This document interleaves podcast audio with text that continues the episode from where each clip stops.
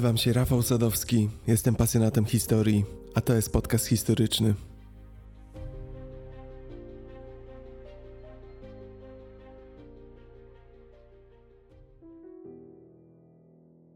Igrzyska Olimpijskie to najstarsza i zarazem największa międzynarodowa impreza sportowa, organizowana co dwa lata, na przemian latem i zimą.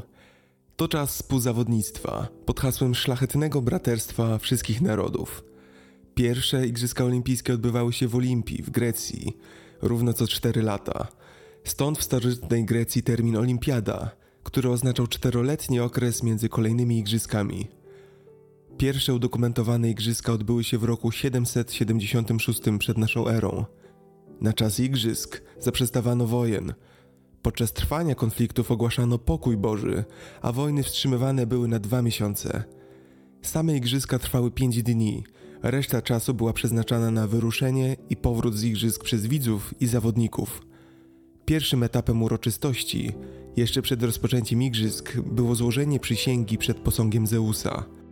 Mięso dzika cięto na kawałki, rozsypywano albo rozkładano przed posągiem, a każdy uczestnik wraz z ojcem i swymi braćmi składał przysięgę, że nie dopuści się żadnego oszustwa na zawodach, co potwierdzał drugą przysięgą, w której mówił, że ściśle przykładał się do ćwiczeń przez poprzednie 10 miesięcy.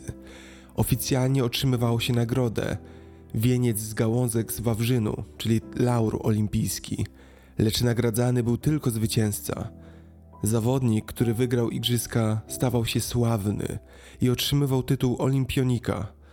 W jego rodzinnym mieście stawiano pomniki na jego cześć i pisano mu wiersze. W murze miasta wygranego zawodnika robiono dziurę, przez którą wchodził zwycięzca, witany przez mieszkańców. Oznaczało to, że miasto już nikogo się nie obawia, ponieważ ma tak znakomitego obrońcę. Zwycięzca otrzymywał również nagrody materialne. Z czasem Oprócz wieńca z gałązek oliwnych otrzymywano pieniądze i wartościowe przedmioty. Sławę zdobywało całe miasto, a nie tylko wygrany.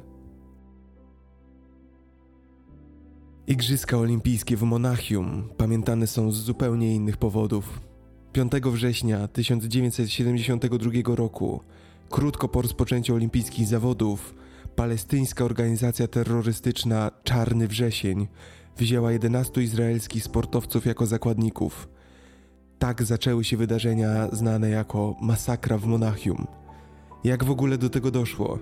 Jaki los spotkał zakładników i porywaczy? Posłuchajcie.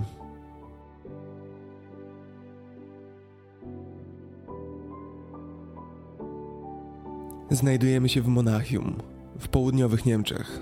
To stolica Bawarii. To tutaj od 26 sierpnia do 11 września 1972 roku trwały letnie Igrzyska Olimpijskie. Były to jednak igrzyska specyficzne. Były bowiem drugą letnią olimpiadą w Niemczech, a poprzednia miała miejsce w Berlinie w 1936 roku, jeszcze pod rządami nazistów. Rząd Niemiec Zachodnich chciał, aby Olimpiada w Monachium zaprezentowała światu demokratyczne i optymistyczne Niemcy, tak jak pokazywało to oficjalne motto igrzysk Die Heiteren Spiele, czyli Wesołe Igrzyska. Logiem igrzysk było niebieskie słońce Bright Sun autorstwa Otla Eichmera, projektanta i dyrektora komisji do spraw koncepcji wizualnych. Maskotka olimpijska Jamnik Waldi był pierwszą oficjalnie nazwaną maskotką olimpijską. Olimpijską fanfarę skomponował Herbert Raybain. Ponadto nie szczędzono pieniędzy na atrakcyjny wystrój. Park olimpijski zbudowano na planach Frei Otta i po igrzyskach stał się symbolem Monachium. Miejsce zawodów, projektowane przez architekta Gintera Bensisha, obejmowały olimpijską halę pływacką, halę olimpijską i stadion olimpijski oraz wioskę olimpijską bardzo blisko parku. Projekt stadionu został uznany za rewolucyjny, z zamiatającym zadaszeniem ze szkła akrylowego, stabilizowanego metalowymi linami, zastosowanymi po raz pierwszy na tak dużą skalę. Wszystko po to, aby zatrzeć ślad po nazistowskich igrzyskach z 1936 roku. Gdyby tylko organizatorzy wiedzieli, jak ponurą sławą okryją się ich igrzyska pomimo tych starań.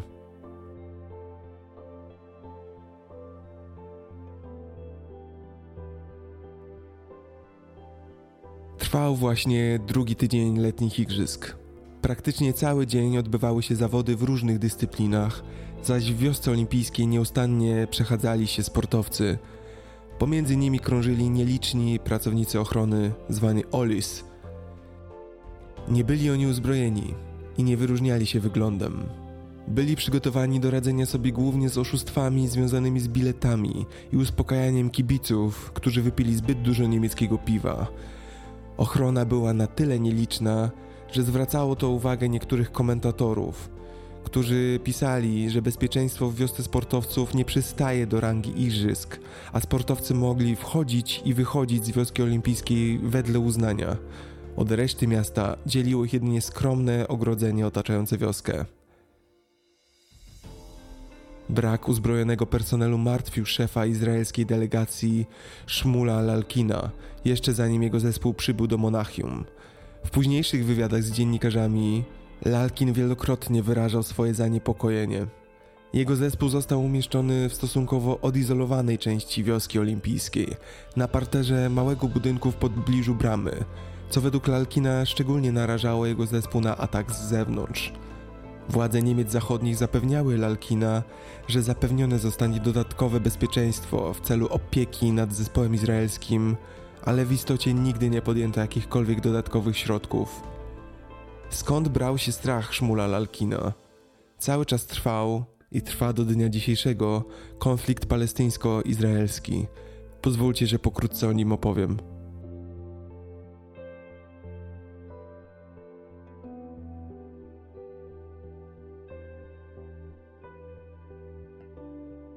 Konflikt między Izraelem a Palestyną to konflikt o charakterze etnicznym, religijnym i terytorialnym pomiędzy ludnością żydowską a palestyńską na terytorium państwa Izrael, czyli terenie historycznej Palestyny. Podstawowymi problemami, o które toczy się ten konflikt, to przede wszystkim samo istnienie państwa Izrael, okupacja przez Izrael zachodniego brzegu Jordanu, strefy Gazy i wzgórz Golan powstanie niezależnego państwa palestyńskiego, osadnictwo żydowskie na okupowanych terenach, status Jerozolimy, która jest świętym miastem trzech religii monoteistycznych, a także kwestia powrotu uchodźców palestyńskich. Na tym tle wybuchało wiele wojen.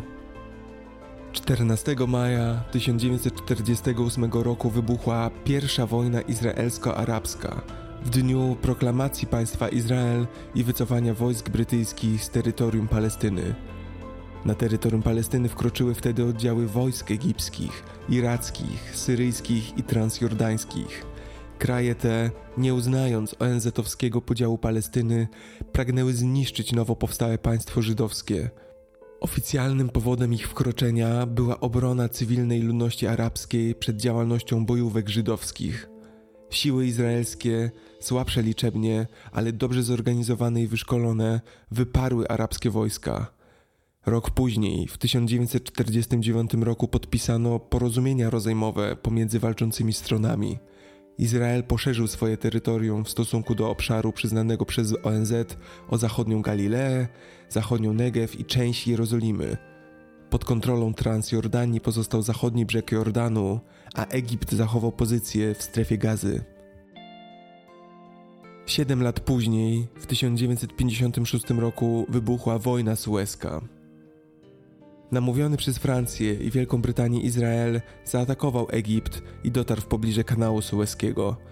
Oba kraje europejskie wykorzystały to jako pretekst do zajęcia tego kanału, który był ważnym kanałem żeglugowym. Wiele krajów potępiło ten atak, m.in. ZSRR i Stany Zjednoczone. Żądano utrzymania międzynarodowego charakteru kanału. Agresorzy w wyniku międzynarodowych nacisków musieli się wycofać, a do Egiptu przybyły stabilizujące siły ONZ. 11 lat później wybuchła słynna wojna sześciodniowa. W trakcie jej trwania od 5 do 11 czerwca 1967 roku Izrael wymusił rewizję granic na Bliskim Wschodzie. W czasie działań wojennych, których strategię opracował minister obrony narodowej Moshe Dayan, Izrael zajął cały półwysep Synaj, aż po kanał Suezki, a także jordański zachodni brzeg i syryjskie wzgórza Golan. Zdaniem Izraelczyków, była to wojna obronna spowodowana agresywnym zachowaniem państw arabskich, czyli rozbudową armii, zamykaniem statków izraelskich dostępu do Morza Czerwonego, żądaniem przez Egipt wycofania sił ONZ. Izrael zwrócił Egiptowi region Synaju po rokowaniach w latach 1978 i 79. Strefa Gazy i zachodni brzeg Jordanu uznane zostały przez ONZ za terytoria okupowane przez Izrael. Wojna sześciodniowa była znamienna w skutkach. Rzuciła Palestynę na kolana, ale jednocześnie spowodowała powstanie w 1971 roku terrorystycznej organizacji zwanej Czarnym Wrześniem.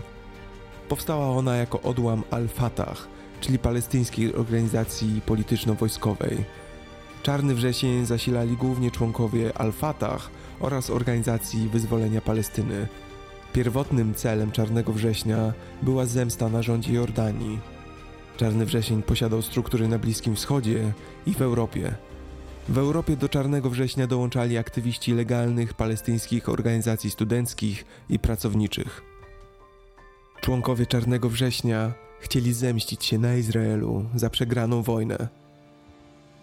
Nie muszę zatem dodawać, jakie w 1972 roku, czyli w trakcie Igrzysk w Monachium, były stosunki ludności izraelskiej i arabskiej względem siebie.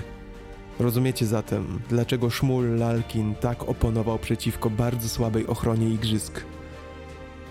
Co ciekawe, organizatorzy igrzysk w ramach przygotowań prosili zachodnio-niemieckiego psychologa sądowego Georga Sibera o stworzenie 26 scenariuszy terroryzmu, aby pomóc organizatorom w planowaniu bezpieczeństwa. Scenariusz numer 21 dokładnie przepowiada uzbrojonych Palestyńczyków najeżdżających kwaterę izraelskiej delegacji, zabijających i biorących zakładników oraz domagających się uwolnienia więźniów z Izraela i samolotu do opuszczenia RFN. Organizatorzy igrzysk odrzucili ten scenariusz, gdyż ewentualne przygotowanie się do niego wymagałoby zasadniczych zmian w wiosce olimpijskiej oraz nadania igrzyskom bardziej zamkniętego charakteru co kłóciłoby się ze wspomnianym charakterem wesołych igrzysk.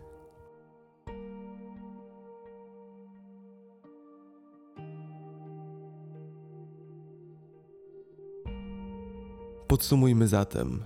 Z jednej strony mamy trwający konflikt izraelsko-palestyński i aktualnie przegrywającą stronę palestyńską, która szuka sposobu, w jaki może przeważyć szal zwycięstwa na swoją stronę, z drugiej strony mamy bezbronną reprezentację Izraela, najcenniejszych wyselekcjonowanych sportowców, najlepszych z najlepszych, od małego szkolonych i wybieranych, aby zwyciężać. Jednocześnie mamy kompletnie nieprzygotowanych pod względem bezpieczeństwa organizatorów. W tym miejscu zaczyna się nasza właściwa historia.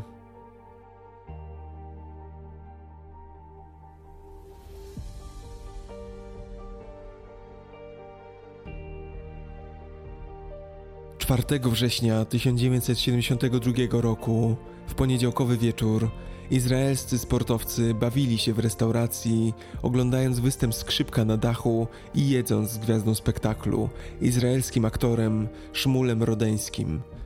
Po skończonej kolacji razem wrócili do wioski olimpijskiej. W drodze powrotnej 13-letni syn Szmula Lalkina wspomnianego przeze mnie szefa izraelskiej reprezentacji, bardzo prosił ojca o jego pozwolenie na spędzenie nocy w wiosce olimpijskiej. Ojciec dla zasady nie zgadzał się, choć z uwagi na praktyczny brak ochrony mógł wziąć syna do swojego pokoju. Zdecydował jednak, że syn ma wrócić do swojego hotelu w pozostałej części Monachium. Ta decyzja prawdopodobnie uratowała mu życie. Zmęczeni sportowcy szybko poszli spać. O 4.30 nad ranem czasu lokalnego, kiedy atleci twardo spali, ośmiu odzianych w dresy członków frakcji Czarny Wrzesień przeskoczyło przez mierzące zaledwie 2 metry ogrodzenie. W torbach nieśli karabiny szturmowe AKM, pistolety Tokariew i granaty. Terroryści szybko weszli do środka hotelu, używając skradzionych kluczy, aby następnie wejść do dwóch mieszkań używanych przez izraelski zespół. Cały kompleks wyglądał jak typowy hotel z tamtych lat. Terroryści powoli zmierzali do pomieszczeń, w których spali Izraelczycy. Najpierw dotarli do pokoju numer jeden. Józef Gutfreund, izraelski zapaśnik, nigdy nie spał twardym snem i nie inaczej było tej nocy. Dlatego też usłyszał cichy szelest drzwi na korytarzu. Jeszcze śpiący spojrzał w stronę drzwi i zobaczył, jak te powoli się otwierają, ukazując zamaskowanych mężczyzn z bronią po drugiej stronie. Natychmiast wykrzyczał ostrzeżenie swoim śpiącym współlokatorom i rzucił sztangą ważącą ponad 130 kg drzwi, bezskutecznie próbując powstrzymać intruzów przed wtargnięciem. Działania Gutfreunda dały jego współlokatorowi, trenerowi podnoszenia ciężarów Tuwiemu Sokołowskiemu wystarczająco dużo czasu, aby ten rozbił okno i uciekł. Trener zapaśniczy Moshe Weinberg próbował walczyć z intruzami, którzy jednak postrzelili go w policzek, a następnie zmusili do pomocy w znalezieniu większej liczby zakładników. Terroryści nie wiedzieli bowiem, w których pozostałych pokojach śpi reszta Izraelczyków. Spodziewali się, że wszyscy będą spali w jednym, dużym kompleksie. Prowadząc terrorystów, Weinberg powiedział, że w pokoju numer dwa śpi inna ekipa i prowadził ich dalej, do pokoju numer trzy. W pokoju tym spali izraelscy zapaśnicy i ciężarowcy. Weinberg miał nadzieję, że silniejsi będą mieli większe szanse na odparcie zapaśników niż ci z apartamentu numer dwa, ale wszyscy zostali zaskoczeni w trakcie snu. W pokoju numer 3 bandyci zastrzelili sześciu zapaśników i ciężarowców. Gdy sportowcy z apartamentu numer 3 wrócili do tego numer 1, ranny Weinberg ponownie zaatakował bandytów, pozwalając jednemu z zapaśników, Gadowi Sobari, uciec przez podziemny garaż. Weinbergowi udało się przewrócić jednego z terrorystów i próbował zabić go nożem do owoców, ale zanim zdołał to zrobić, pozostali terroryści uśmiercili Weinberga. W tym momencie sztangista Józef Romano, który był weteranem wojny sześciodniowej, zdał sobie najprawdopodobniej sprawę, że żywy nie wyjdzie z tej sytuacji. Dlatego też zdecydował się na frontalny atak i zranił jednego z terrorystów. Szybko został postrzelony i zabity. Terroryści ostatecznie wzięli dziewięciu zakładników. Byli to, oprócz Gutfreunda, trener strzelecki Kehat Shore, trener lekkoatletyczny Amitsur Shapira, mistrz szermierki Andre Spitzer, sędzia podnoszenia ciężarów Jakob Springer, zapaśnicy Elizer Hafin i Mark Slavin oraz ciężarowcy David Berger i Zieje Friedman. Berger był amerykańskim emigrantem z podwójnym obywatelstwem. Mark Slavin zaś, mający 18 lat, najmłodszym zakładnikiem, który przybył do Izraela ze Związku Radzieckiego na cztery miesiące przed rozpoczęciem Igrzysk Olimpijskich. Gutfreund, fizycznie największy z zakładników, był przywiązany do krzesła. Resztę zakładników ustawiono po czterech na dwóch łóżkach w pokoju Springera i Shapiry i związano nad garstkami i kostkami, a potem położono obok siebie. Zwłoki Josefa Romano, weterana wojny sześciodniowej, pozostawiono u stóp pozostałych sportowców jako ostrzeżenie. Terroryści Czarnego Września bardzo agresywnie odnosili się do zakładników, wielokrotnie uderzali ich i bili, do tego stopnia, że kilku zakładników miało złamane kości. Shaul Laden został obudzony w pokoju numer dwa przez krzyki Gutfreunda, Wyskoczył z balkonu drugiego piętra swojego pokoju i uciekł do hotelu amerykańskiego, budząc amerykańskiego trenera Billiego Bowermana, informując go o ataku. Ladany, który nawiasem mówiąc przeżył zsyłkę do obozu koncentracyjnego Bergen-Belsen, był pierwszą osobą, która rozpowszechniła ostrzeżenie o ataku. Pozostali czterej członkowie kadry Izraela, czyli mieszkańcy apartamentu numer 2, Henry Herszekowicz i Zelik Sztroch, szermierze Dan Alon i Jehuda Weinstein, a także szef kuchni z misji Szmula Lalkina i dwóch lekarzy zespołowych ukryli się i ostatecznie uciekli z oblężonego hotelu. Dwie członkinie izraelskiej drużyny olimpijskiej, sprinterka Estera Sheramomow oraz pływaczka Shlomit Nir, były umieszczone w osobnej części wioski olimpijskiej – Trzej członkowie izraelskiej drużyny, dwóch żeglarzy i ich menadżer przebywali w Kilonii, 900 km od Monachium.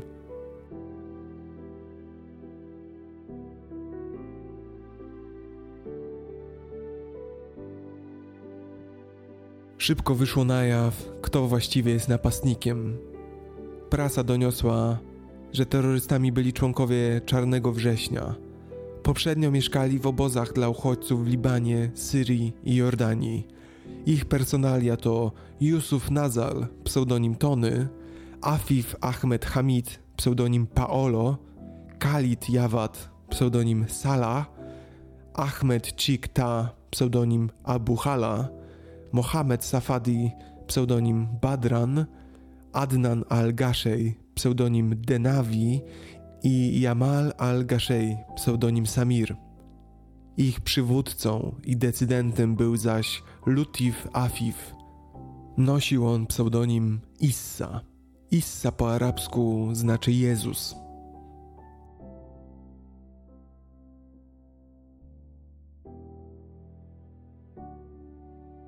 Niewiele wiemy o Issie. Nie wiemy nawet, kiedy dokładnie się urodził.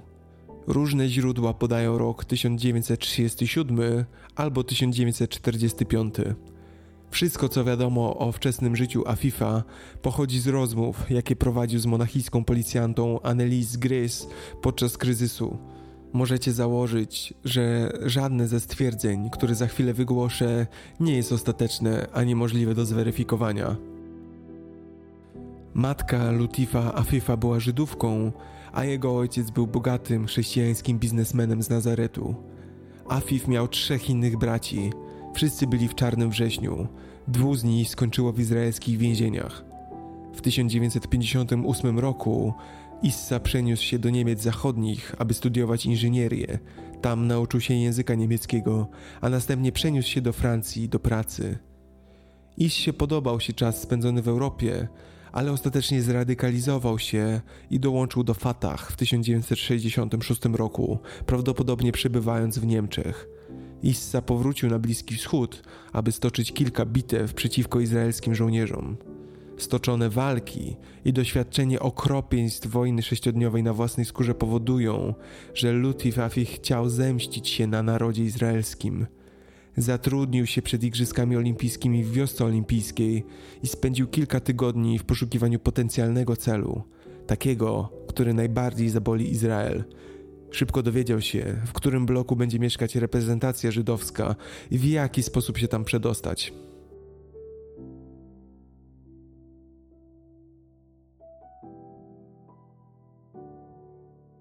Wracamy do Monachium.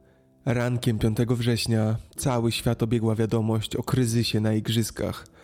Golda Meir, premier Izraela, zaapelowała do innych krajów o uratowanie naszych obywateli i potępienie niewypowiedzianych popełnionych przestępstw. Oświadczyła, jeśli się poddamy, to żaden Izraelczyk nigdzie na świecie nie poczuje, że jego życie jest bezpieczne. To szantaż najgorszego rodzaju. Król Hussein z Jordanii, jedyny przywódca kraju arabskiego, który publicznie potępił atak, nazwał go dziką zbrodnią przeciwko cywilizacji, popełnioną przez chore umysły. Terroryści w godzinach porannych przekazali swoje żądania. Nie chcieli pieniędzy. Żądali uwolnienia 234 Palestyńczyków uwięzionych w Izraelu. Aby udowodnić swoją determinację oraz to, że są gotowi zabijać, Issa osobiście wyrzucił ciało Weinberga przez frontowe drzwi hotelu. Odpowiedź Izraela była natychmiastowa i absolutna. Nie będzie żadnych negocjacji. Polityka Izraela w tamtych czasach polegała na kategorycznej odmowie negocjacji z terrorystami, ponieważ wedle rządu Izraela takie negocjacje byłyby zachętą do przyszłych ataków. To oznaczało, że konieczność rozwiązania kryzysu zakładniczego spoczywała na władzach niemieckich. Sytuacja zakładników stanowiła dla Niemców wyjątkowo trudną kwestię polityczną, ponieważ zakładnicy byli Żydami. W kontekście Holokaustu i II wojny światowej, która zakończyła się, przypominam, zaledwie 27 lat wcześniej, Niemcy panicznie bali się utrwalenia w masowej świadomości obrazu Niemiec jako kraju, w którym zawsze giną Żydzi. Zaoferowali zatem palestyńskim terrorystów dowolną wskazaną przez nich ilość pieniędzy za uwolnienie sportowców – jak również oferowano zastąpienie Izraelczyków przez wysoko postawionych Niemców. Porywacze odmówili jednak obu ofertom. Szef policji w Monachium, Manfred Schreiber i Bruno Merck, minister spraw wewnętrznych Bawarii, negocjowali bezpośrednio z porywaczami, ponawiając ofertę nieograniczonej kwoty pieniędzy. Odpowiedź za każdym razem brzmiała: Pieniądze nic dla nas nie znaczą, nasze życie również nic dla nas nie znaczy. Tymczasem w pozostałej części wioski olimpijskiej sportowcy żyli normalnie, jakby nieświadomi wydarzeń, które miały miejsce w pobliżu. Co więcej, nawet igrzyska trwały dalej, do momentu, gdy rosnąca presja światowa wymusiła ich zawieszenie na 12 godzin po zamordowaniu pierwszego sportowca. Tego samego dnia po południu z jednej strony dalej prowadzono negocjacje z terrorystami, ale jednocześnie potajemnie zapadła decyzja o wkroczeniu do hotelu. 5 września o 16.30 oddział 38 zachodnio-niemieckich policjantów został wysłany do wioski olimpijskiej. Przebrani byli w olimpijskie bluzy dresowe. Pomimo powagi sytuacji, nie była to jednostka antyterrorystyczna. Był to zwykły oddział policyjny bez doświadczenia w walce z terrorystami. Ich plan polegał na zejściu do szybów wentylacyjnych hotelu i zabiciu terrorystów. Policjanci zajęli miejsca na dachu hotelu w oczekiwaniu na słowo Sunshine, które miało rozpocząć atak. Ta akcja antyterrorystyczna była przeprowadzona tak fatalnie, że nikt z dowództwa nawet nie pomyślał, aby odsunąć ekipy telewizyjne z rejonu hotelu. To sprawiło, że licznie zgromadzone stacje filmowały i transmitowały na żywo działania policjantów na dachu hotelu. Jak się pewnie domyślacie, w hotelu były telewizory. W ten sposób terroryści widzieli na żywo, jak policja przygotowuje się do ataku, a nawet jak poszczególni policjanci chodzą po dachu hotelu. Issa chwycił za telefon i zadzwonił do policyjnego negocjatora. Zapowiedział, że jeśli dalej będą się z nimi bawić w ten sposób, to natychmiast zabije dwóch zakładników. Policja w pośpiechu wycofała się z dachu hotelu.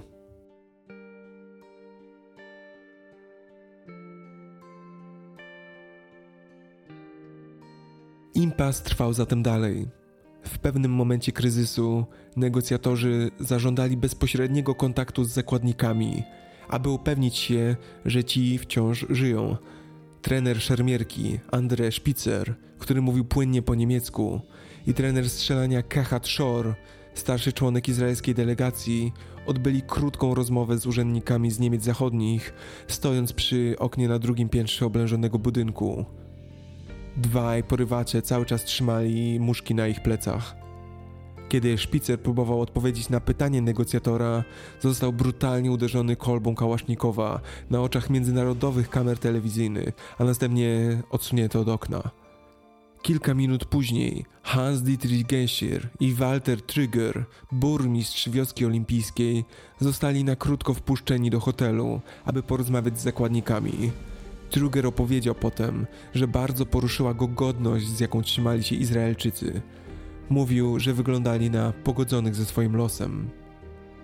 Trigger zauważył, że kilku zakładników, zwłaszcza Goodfreund, było mocno pobitych, a także, że David Berger został postrzelony w lewe ramię.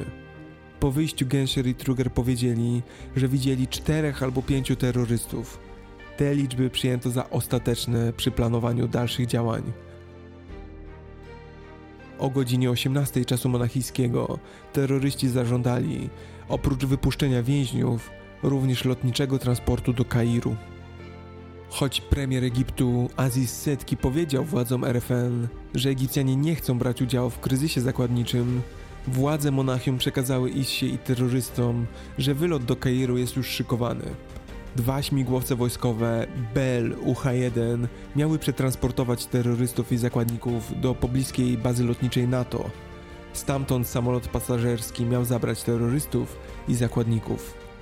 Aby dotrzeć do helikopterów, Palestyńczycy Izraelczycy musieli przejść 200 metrów przez hotelowe podziemne garaże. W tym policja zachodnio-niemiecka widziała kolejną okazję do zasadzki na sprawców i umieściła w tymże garażu podziemnym strzelców wyborowych. Ale Issa nalegał, by najpierw sprawdzić trasę. Wziął ze sobą dwóch zakładników i przeszedł się, niejako na próbę, trasą do helikopterów. W tym czasie policyjni snajperzy leżeli za samochodami na miejscach parkingowych – Podczas czołgania jeden z policjantów upuścił swój ekwipunek, robiąc hałas. W ten sposób terroryści zostali natychmiast powiadomieni o zasadce. Biegiem wrócili do hotelu i zażądali autobusu na przejechanie tych 200 metrów.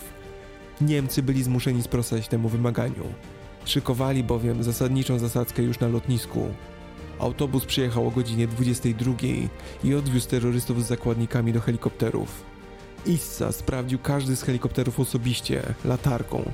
Następnie podzielono się na grupy i wyruszono w lot na lotnisko.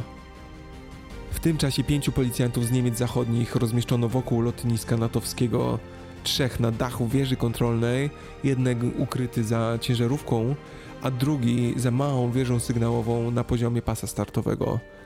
Co jednak przerażające, żaden z nich nie miał żadnego specjalnego szkolenia snajperskiego, ani nawet specjalnej broni długiej. Policjanci wyposażeni byli w HK-G3, zwykły karabin bojowy niemieckich sił zbrojnych, bez żadnego celownika optycznego. Nie byli również wyposażeni w noktowizory, choć akcja była zaplanowana na noc. Policjantów do akcji wybrano, ponieważ akurat ci strzelali hobbystycznie na strzelnicy w weekendy. Podczas późniejszego śledztwa jeden z funkcjonariuszy stwierdził: W mojej ocenie nie jestem i nigdy nie byłem strzelcem wyborowym. Członkowie zespołu kryzysowego Schreiber, Genscher, Merck i zastępca Schreibera Georg Wolf nadzorowali i obserwowali próbę ratowania z wieży kontroli lotniska. Samolot Boeing 727 został umieszczony na płycie lotniska z 16 policjantami w środku. Byli oni przebrani za załogę pokładową. Wiedziano, że Issa i Tony najpierw sprawdzą samolot. Plan był taki, że policjanci obezwładnią ich, gdy wejdą na pokład, podczas gdy snajperzy zneutralizują pozostałych terrorystów oczekujących w helikopterach. Jak pamiętacie, po wyjściu z hotelu Genscher i Trigger powiedzieli, że terrorystów było czterech lub pięciu. Te liczby przyjęto za ostateczne. Nie sprawdzono ich w żaden sposób, dlatego też sądzono, że po zneutralizowaniu Issy i Tonego na pokładzie Boeinga, w pozostałych dwóch helikopterach będzie po jednym terroryście. Dopiero podczas transferu z autobusu na helikoptery zespół kryzysowy odkrył, że w rzeczywistości terrorystów było ośmiu. Było już jednak za późno na zmianę planu. Co więcej, gdy stało się jasne, jak wielu terrorystów leci właśnie na lotnisko, policjanci na pokładzie samolotu zdecydowali o odwołaniu akcji. Byli przekonani, że taka będzie decyzja dowództwa, zatem nie poinformowali o tym centrali. Opuścili pokład samolotu na własną rękę. Niewiarygodne, prawda?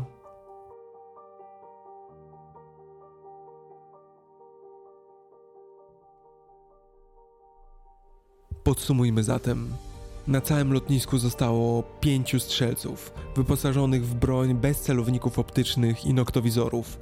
Trzech z nich znajdowało się na wieży kontrolnej, zaś dwóch na ziemi, na płycie lotniska. Na te lotnisko zmierzały dwa helikoptery z ośmioma terrorystami i jedenastoma izraelskimi sportowcami. W tym momencie pułkownik Ulrich Wegner, starszy doradca Genschnera, a później założyciel elitarnej niemieckiej jednostki antyterrorystycznej GSG-9, zdał sobie sprawę z nadchodzącej katastrofy i wypowiedział pamiętne słowa: Jestem pewien, że to spieprzymy.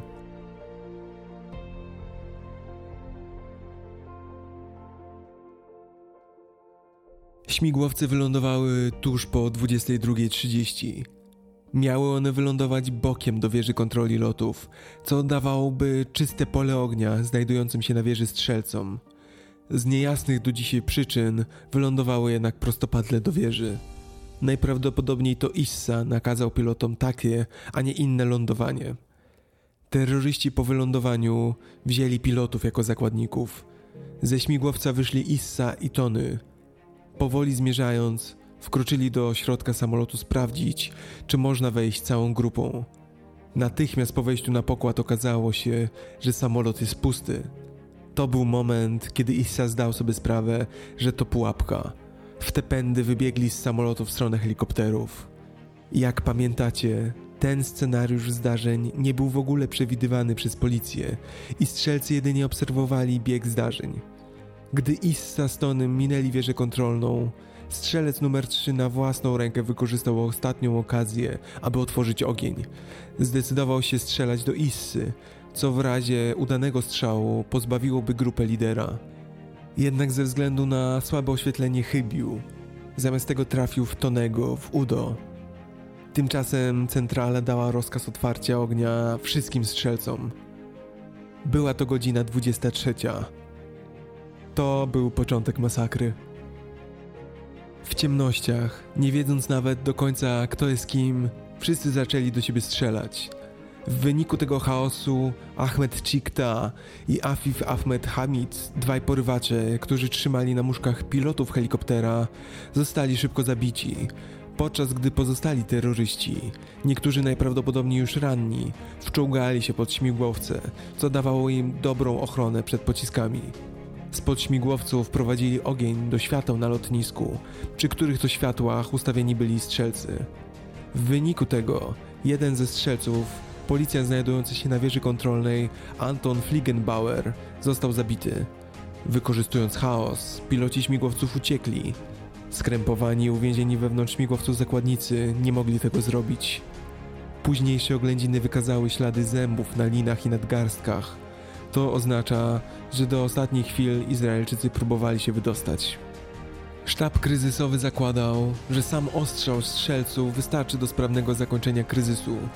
Dopiero wtedy, gdy terroryści zaczęli spod śmigłowców skutecznie stawiać opór, pośpiesznie wezwano pojazdy opancerzone do szturmowania pozycji wroga. Tu po raz kolejny wykazano się niekompetencją. Wszystkie drogi na lotnisko nie były uprzednio zablokowane. Ruch toczył się jak na co dzień. To spowodowało, że pojazdy opancerzone utknęły w korku i przybyły dopiero około północy, czyli godzinę po rozpoczęciu strzelaniny. Wreszcie jednak transportery opancerzone wjechały na płytę lotniska. To zaś spowodowało, że terroryści zdali sobie sprawę, że nie opuszczą Niemiec żywi. Skutki tego były porażające. Cztery minuty po północy Lutif Afif Issa wszedł do jednego ze śmigłowców, spojrzał na izraelskich zakładników, odbezpieczył swojego kałasznikowa i z odległości mniejszej niż dwa metry otworzył ciągły ogień. Oszalały z nienawiści, strzelał aż do opróżnienia magazynka. Springer, Huffin i Friedman zostali zabici natychmiast. Berger, postrzelony dwukrotnie w nogę, natychmiast padł na ziemię i przeżył początkowy atak, ale jego sekcja zwłok później wykazała, że zmarł z powodu wydychania dymu. Następnie Issa wyciągnął szpilkę z granatu ręcznego i rzucił ją do kokpitu. Wynikająca z tego eksplozja rozerwała helikopter od środka na strzępy, nie dając żadnemu z zakładników jakiejkolwiek szansy na przeżycie. Następnie Issa, wrzeszcząc ile sił w gardle, zaczął biec po pasie stratowym lotniska, strzelając na oślep. Biegł prosto na pozycje policyjne. Wiedział, że tej nocy jego życie się skończy, chciał jednak zabrać na tamten świat jak najwięcej swoich wrogów. Oszalały cały czas stanowił śmiertelne zagrożenie. Wszyscy policjanci strzelali już tylko do niego. Dopiero po kilkunastu sekundach, kiedy Issa był już naprawdę blisko wieży kontrolnej, udało im się go trafić i został niemal natychmiast zabity. Tak kończy się życiorys Lutifa Afifa Issy. Inny z terrorystów, Khalid Jawad, próbował uciec, został jednak zastrzelony przez jednego ze strzelców. To, co stało się z pozostałymi zakładnikami, nadal jest kwestią sporną. Niemieckie policyjne dochodzenie wykazało, że jeden z niemieckich strzelców i kilku zakładników mogło zostać przypadkowo zastrzelonych przez policję.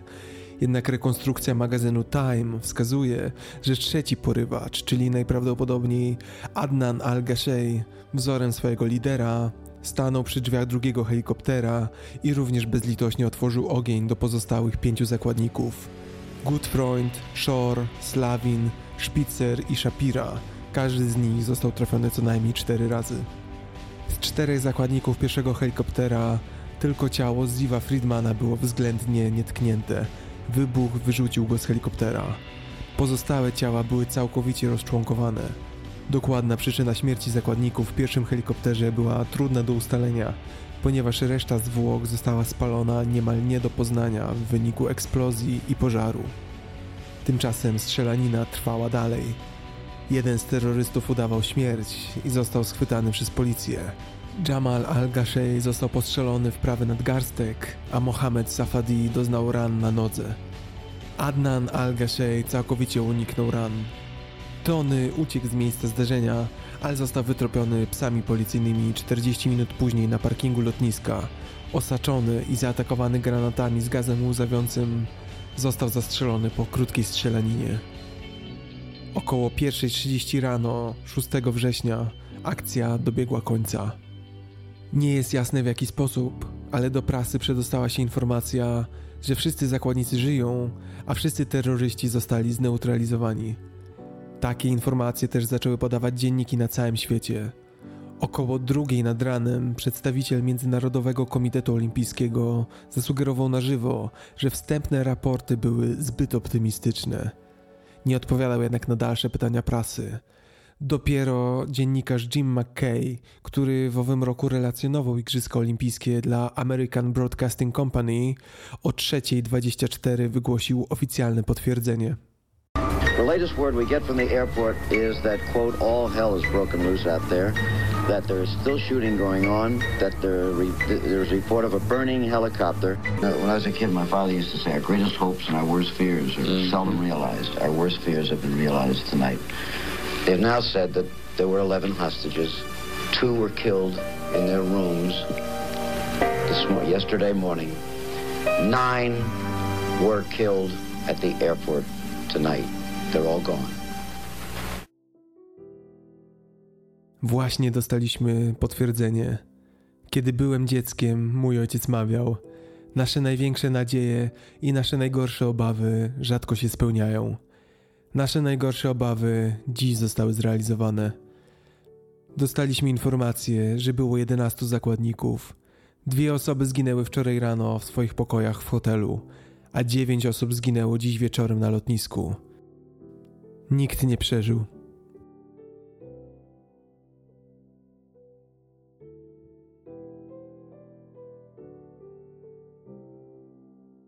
Pamiętacie Szola Ladaniego? To ten izraelski atleta, który został obudzony w mieszkaniu przez krzyki Gutfreunda. Wyskoczył z balkonu drugiego piętra swojego pokoju i uciekł do amerykańskiego akademika, budząc amerykańskiego trenera Billiego Bowermana i informując go o ataku. Kilka źródeł telewizyjnych podawało, że Lodany również został zabity. Lodany wspominał później: Kiedy byłem w Monachium, jeszcze się trzymałem. Dopiero kiedy wróciliśmy do Izraela, wszystko do mnie dotarło. Na lotnisku był ogromny tłum, ponad 20 tysięcy osób. I każdy z nas, z tych, którzy przeżyli, stał przy jednej strumien na pasie startowym. Ludzie podchodzili do mnie i próbowali mnie pocałować i przytulić, ale cały czas patrzyli na mnie, jakbym był duchem, który powrócił do żywych. To tak naprawdę wtedy zrozumiałem, co się stało, i rozpłakałem się.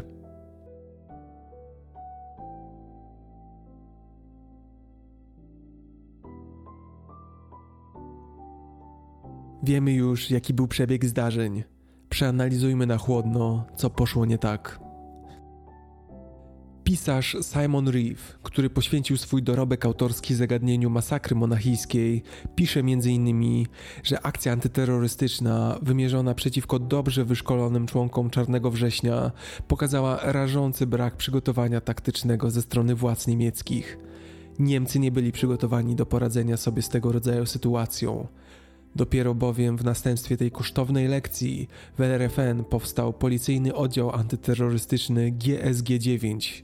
Wcześniej Niemcy nie dysponowali żadną jednostką stricte antyterrorystyczną. Władze niemieckie popełniły wiele błędów. Po pierwsze, wojsko nie uczestniczyło w akcji ratunkowej, ponieważ z powodu ograniczeń narzuconych w powojennej konstytucji RFN, niemieckie siły zbrojne nie mogły operować wewnątrz Niemiec w czasie pokoju. Odpowiedzialność za akcję zatem w całości spoczywała na monachijskiej policji i władzach Bawarii, czyli jednostkach z definicji nieprzygotowanych do walki z wyszkolonymi terrorystami uzbrojonymi w broń długą. Po drugie, pół godziny przed tym, jak zakładnicy i porywacze przybyli do Fürstenfeldbruck, czyli lotniska natowskiego, wiadomo już było, że liczba tych ostatnich była większa niż początkowo sądzono. Pomimo tych nowych informacji, Schreiber postanowił kontynuować akcję ratunkową zgodnie z pierwotnym planem, a nowe informacje nie miały jak dotrzeć do snajperów, ponieważ nie mieli radiostacji. Podstawową zasadą operacji snajperskich jest to, że jest wystarczająca liczba snajperów. W znaczeniu taktycznym wystarczająca oznacza, że co najmniej dwóch snajperów przypada na jeden znany cel – w tym przypadku, jako że początkowo zakładano pięciu terrorystów, oznaczało to, że potrzeba było co najmniej dziesięciu strzelców wyborowych. Muszą oni nadto być rozmieszczeni tak, aby zneutralizować jak największą liczbę atakujących już przy pierwszej salwie strzałów. Absolutnie niedopuszczalnym scenariuszem jest wdawanie się w jakąkolwiek strzelaninę. Akcja musi zakończyć się w ciągu kilku sekund. Tak jak wspomniałem, śmigłowce miały wylądować z boku wieży kontrolnej. Ten manewr pozwoliłby snajperom strzelać, już gdy porywacze otworzyliby drzwi helikoptera. Zamiast tego śmigłowce wylądowały naprzeciwko wieży kontrolnej i pośrodku lądowiska. To nie tylko dało im miejsce do ukrycia po rozpoczęciu strzelaniny, ale także umieściło strzelców numer 1 i 2 w linii ognia pozostałych trzech strzelców z wieży kontrolnej. To faktycznie oznaczało, że ogień wymieniało ze sobą trzech snajperów i ośmiu terrorystów. Dwóch pozostałych musiało kryć się przed ogniem z wieży kontrolnej. Przyjrzyjmy się też dowództwu operacji.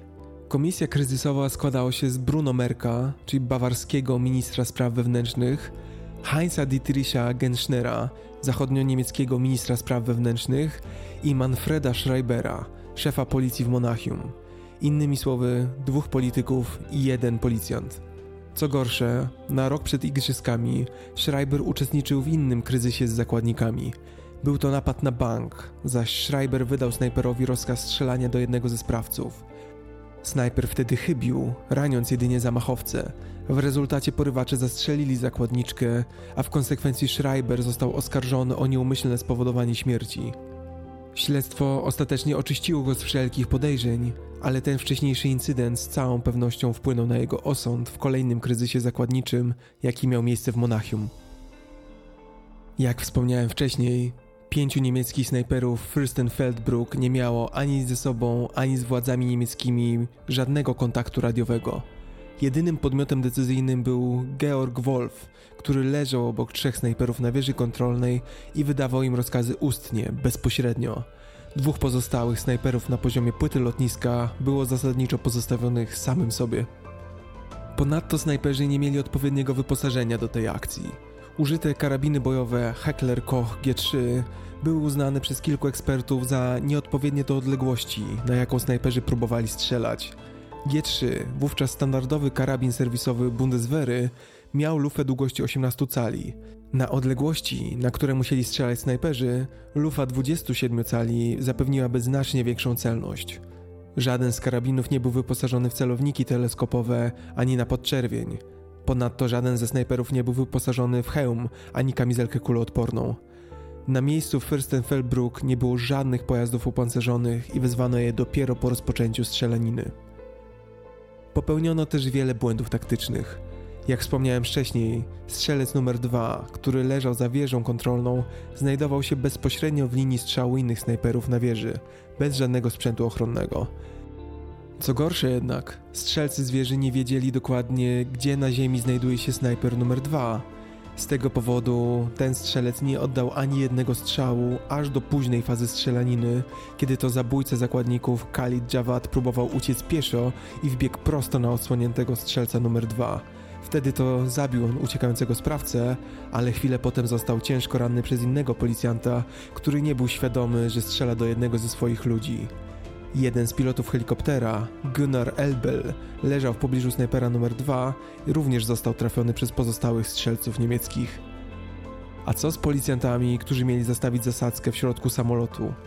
Jeden z nich zeznał później, że został wybrany na członka załogi wbrew swojej woli – on i jego koledzy policjanci zrozumieli, że była to misja samobójcza, więc grupa jednogłośnie głosowała za ucieczką z samolotu. Do dziś żaden z nich nie został ukarany za tę decyzję.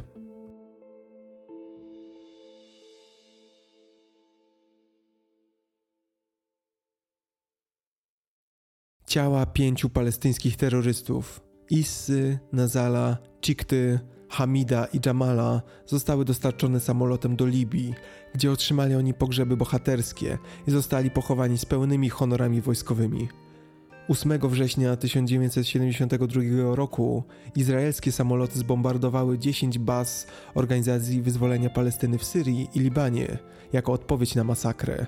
Zabito dziesiątki bojowników i cywilów. Trzej ocalali terroryści Czarnego Września zostali aresztowani i osadzeni w więzieniu w Monachium. Nie na długo jednak. 29 października tego samego roku doszło do porwania Lufthansa Flight 615.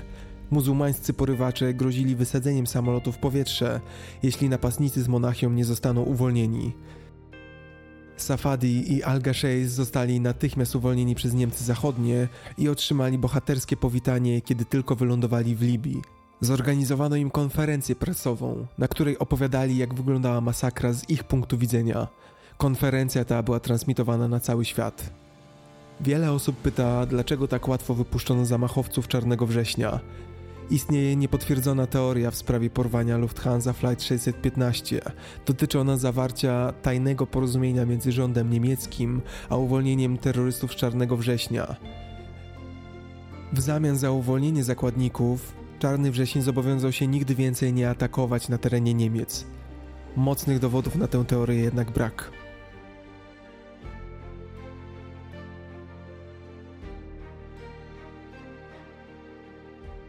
Jaki był wpływ tych wydarzeń na igrzyska?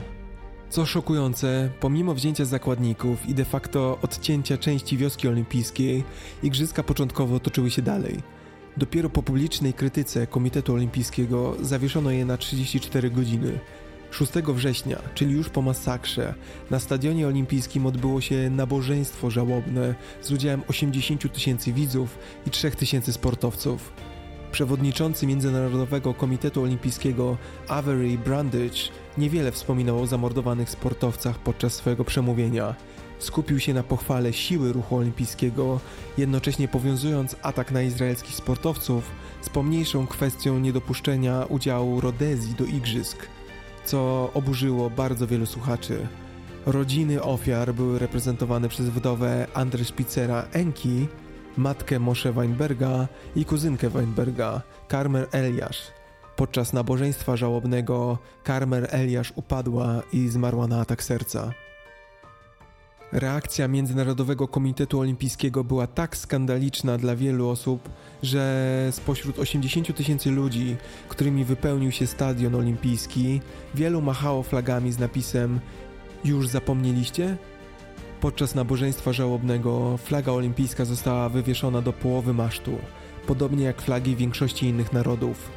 Kraje arabskie sprzeciwiły się obniżeniu ich flag na cześć zamordowanych Izraelczyków. Ich flagi zostały natychmiast przywrócone do szczytów. Willi Daume, przewodniczący Komitetu Organizacyjnego w Monachium, początkowo starał się odwołać pozostałą część igrzysk, ale został przegłosowany przez większość komitetu, która chciała kontynuować igrzyska. Brandish ogłosił: Igrzyska muszą trwać, a my z nimi. Musimy kontynuować nasze wysiłki, aby były czyste, uczciwe i szlachetne. Decyzja ta została zaakceptowana przez rząd Izraela i szefa izraelskiej drużyny olimpijskiej Szmula Lalkina. 6 września, po nabożeństwie żałobnym, pozostali członkowie izraelskiej drużyny wycofali się z igrzysk i opuścili Monachium. Wszyscy żydowscy sportowcy zostali objęci ochroną. Mark Spitz, amerykański pływak, który ukończył swoje zawody, opuścił Monachium podczas kryzysu zakładników, gdyż obawiano się, że może być celem porwania. Egipski zespół opuścił igrzyska 7 września, stwierdzając, że zawodnicy Egiptu obawiają się represji. Filipiny i Algieria również zrezygnowali, podobnie jak niektórzy członkowie holenderskich i norweskich drużyn. Amerykański biegacz maratoński Kenny Moore napisał: To było dla mnie oczywiste. Zostajesz zaproszony na imprezę, przychodzisz na nią i nagle ktoś do kogoś strzela. Kto normalny by został? Wielu sportowców, którzy pozostali na igrzyskach, opisywało później, że cała ich wola walki została utracona w obliczu tej wielkiej tragedii.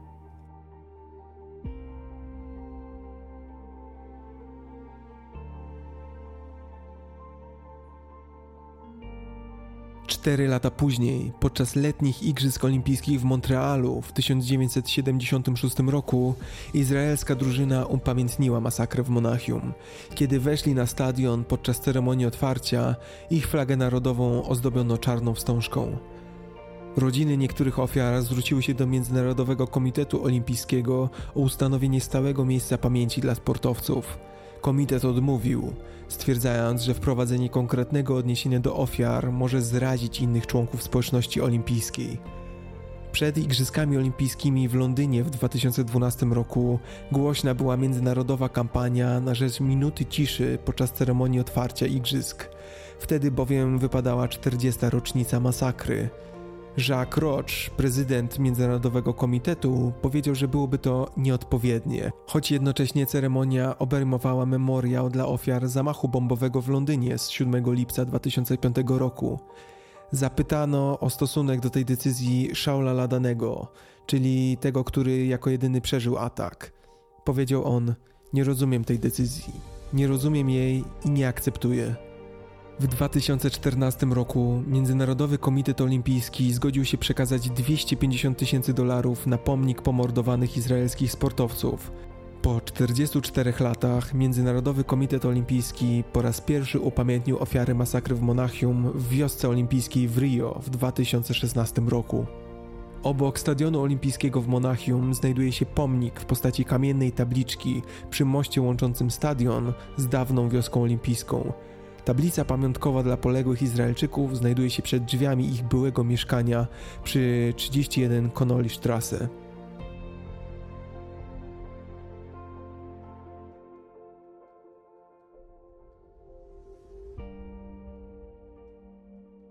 Jaka była odpowiedź Izraela na masakrę monachijską? Golda Meir, czyli premier Izraela i Izraelski Komitet Obrony potajemnie upoważnili Mossad do wyśledzenia i zabicia osób rzekomo odpowiedzialnych za masakrę w Monachium. W tym celu Mossad utworzył szereg specjalnych zespołów, aby zlokalizować i zabić winnych przy pomocy sieci agencji Mossadu w Europie. Ta misja stała się później znana jako Operacja Gniew Boga – w wywiadzie z lutego 2006 roku były szef Mossadu Zi Zamir został zapytany, czy decyzja o podjęciu działań przeciwko terrorystom nie zawierała elementu zemsty? Odpowiedział: Nie, nie byliśmy zaangażowani w zemstę. Jesteśmy oskarżani o kierowanie się pragnieniem zemsty. To nonsens. To, co zrobiliśmy, to było konkretne zapobieganie na przyszłość. Działaliśmy przeciwko tym, co do których wiedzieliśmy, że nadal będą dopuszczać się aktów terroru. Nie twierdzę, że ci, którzy byli zaangażowani w Monachium, nie powinni zostać skazani na śmierć. Zdecydowanie na nią zasłużyli. Ale nie chcieliśmy już mieć do czynienia z przeszłością. Skoncentrowaliśmy się na przyszłości. Zamira zapytano, czy nie otrzymałeś od Goldy dyrektywy w stylu zemścić się na osobach odpowiedzialnych za Monachium? Zyj Zamir odpowiadał, Golda nigdy nie kazała mi mścić się na tych, którzy byli odpowiedzialni za Monachium. Nikt nigdy mi tego nie powiedział. Znane są słowa generała Aharona Jarowa, głównego nadzorcy operacji Gniew Boga. Mówił on: Nie mieliśmy wyboru. Musieliśmy ich powstrzymać i nie było innego wyjścia. Nie jesteśmy z tego bardzo dumni, ale to była kwestia czystej konieczności.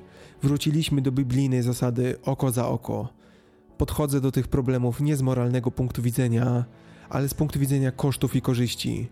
Jaka jest polityczna korzyść zabicia jednej osoby? Czy zbliży nas to do pokoju? Czy zbliży nas to do porozumienia z Palestyńczykami? W większości przypadków nie sądzę, aby tak było. Ale czy w przypadku Czarnego Września nie mieliśmy innego wyboru? Nie mieliśmy. Czy było to moralnie dopuszczalne? Moim zdaniem było. Czy było to politycznie niezbędne? Na pewno było. Stworzono więc listę celów do neutralizacji. Benny Morris pisał, że lista ta została utworzona na podstawie informacji od szpiegów i przyjaznych europejskich służb wywiadowczych. Po jej zatwierdzeniu w całej Europie rozpoczęła się fala zabójstw podejrzanych agentów Czarnego Września. 9 kwietnia 1973 roku Izrael rozpoczął operację Wiosna Młodzieży, wspólną operację Mossad i DF w Bejrucie. Celami byli Mohamed Yusuf al-Nayar, szef wywiadu Fatah, który prowadził Czarny Wrzesień, Kamal Adwan, który kierował zachodnim sektorem Organizacji Wyzwolenia Palestyny oraz Kamal Nasir, rzecznik Organizacji Wyzwolenia Palestyny. 21 lipca 1973 roku w Lillehammer zespół agentów Mossadu przez pomyłkę zabił Ahmeda Bouchciki, Marokańczyka niezwiązanego z atakiem w Monachium. Był to skutek błędnej informacji od informatora, który powiedział, że Bouchiki to Alan Hassan Salameh, rzekomy agent z Czarnego Września. Pięciu agentów Mossadu, w tym dwie kobiety, zostało schwytanych przez norweskie władze, podczas gdy innym udało się uciec. Cała piątka została skazana za zabójstwo i uwięziona, ale szybko została uwolniona i wróciła do Izraela już w 1975 roku. Mossad później wytropił Ali Hassana Salamejewa w Bejrucie i zabił go 22 stycznia 1979 roku zdalnie aktywowaną bombą. Bomba ta zabiła również czterech przechodniów i raniła 18 innych. Simon Reeve pisze, że operacja Gniew Boży trwała ponad 20 lat. Reeve pisze również, że niewielu krewnych chciał tak gwałtownego rozrachunku z Palestyńczykami. Zamiast tego rodziny desperacko chciały poznać prawdę o wydarzeniach towarzyszących masakrze w Monachium. Po długiej walce sądowej w 2004 roku rodziny ofiar zawarły ugodę z państwem niemieckim. Każda rodzina zabitego izraelskiego sportowca otrzymała 3 miliony euro zadośćuczynienia.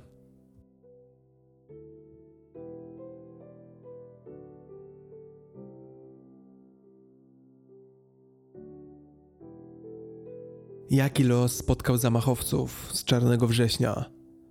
Dwóch z trzech ocalałych terrorystów, Mohamed Safadi, Adnan al-Gashey, zostali rzekomo zabici przez Mossad w ramach operacji Gniew Boży. Al-Gashey został rzekomo zlokalizowany po nawiązaniu kontaktu z kuzynem w Zatoce Perskiej, a Safadi został znaleziony poprzez pozostawanie w kontakcie z rodziną w Libanie.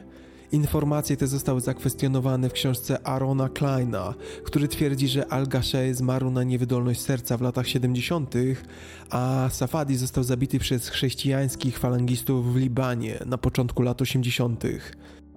W lipcu 2005 roku pojawiła się nowa informacja od Tawika Tirawiego, weterana Organizacji Wyzwolenia Palestyny. Twierdzi on, że Safadi cały czas żyje.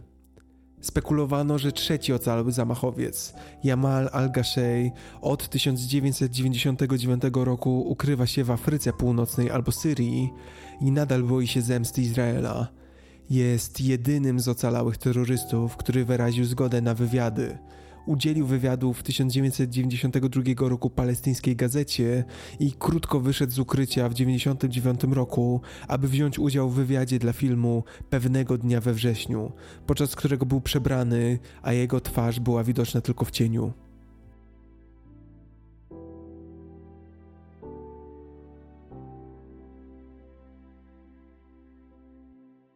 Kto stał za Issą? Kto był mózgiem całej masakry monachijskiej?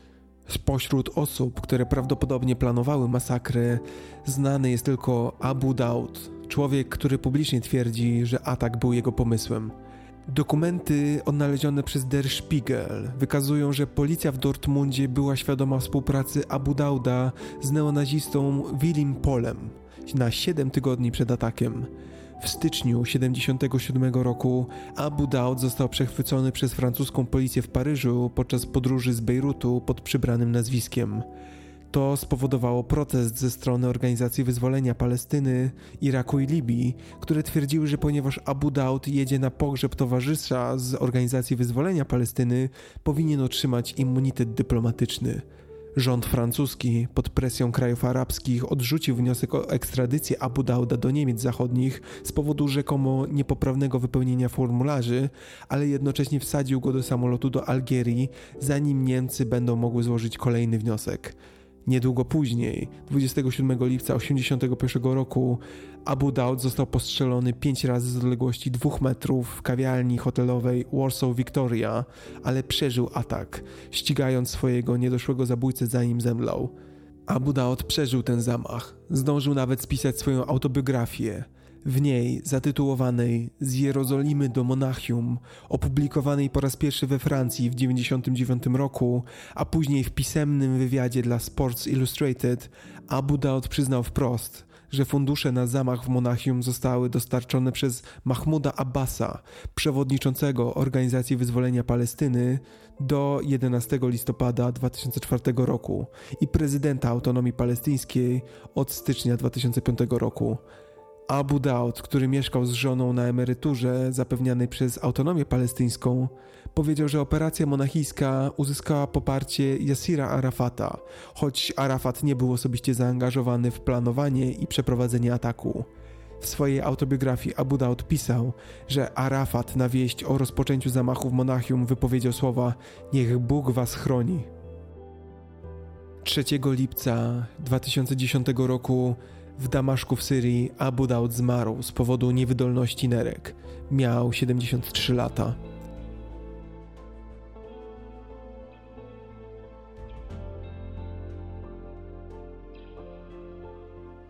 Dochodzimy do najbardziej zdumiewającego aspektu tej historii. Niemiecki tygodnik Der Spiegel napisał na okładce w 2012 roku, że władze Niemiec Zachodnich otrzymały informację od palestyńskiego informatora, iż Palestyńczycy planują zamach na Igrzyskach Olimpijskich. Co więcej, Ministerstwo Spraw Zagranicznych w Bonn potraktowało tę informację na tyle poważnie, że przekazało ją tajnym służbom w Monachium i wezwało je do wszelkich możliwych środków bezpieczeństwa. Dlaczego zatem, pomimo wiedzy, że dojdzie do zamachu, w żaden sposób nie zwiększono ochrony na igrzyskach? Od prawie 50 lat pozostaje to tajemnicą. Dokumenty dotyczące masakry monachijskiej w przeważającej większości objęte są po dziś dzień klauzulą ściśle tajne.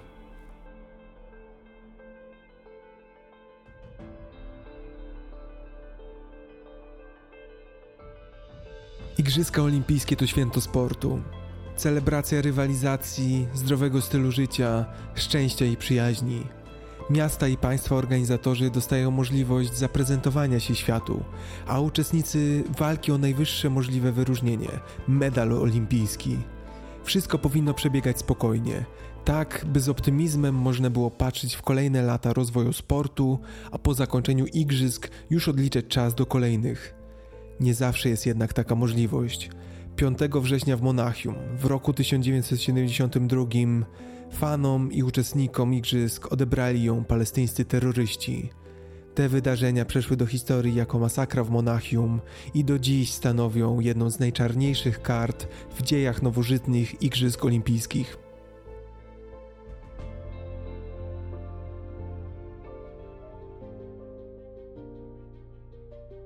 Bardzo dziękuję Wam za uwagę. Jeśli Wam się podobało, zostawcie proszę recenzję na Apple Podcasts. Będę wdzięczny za podzielenie się podcastem ze znajomymi. Zapraszam również na mój fanpage Podcast Historyczny, gdzie wrzucam wiele ciekawostek historycznych, jak również urządzamy tam głosowania dotyczące nadchodzących tematów odcinków. Do usłyszenia, dobrego dnia, cześć.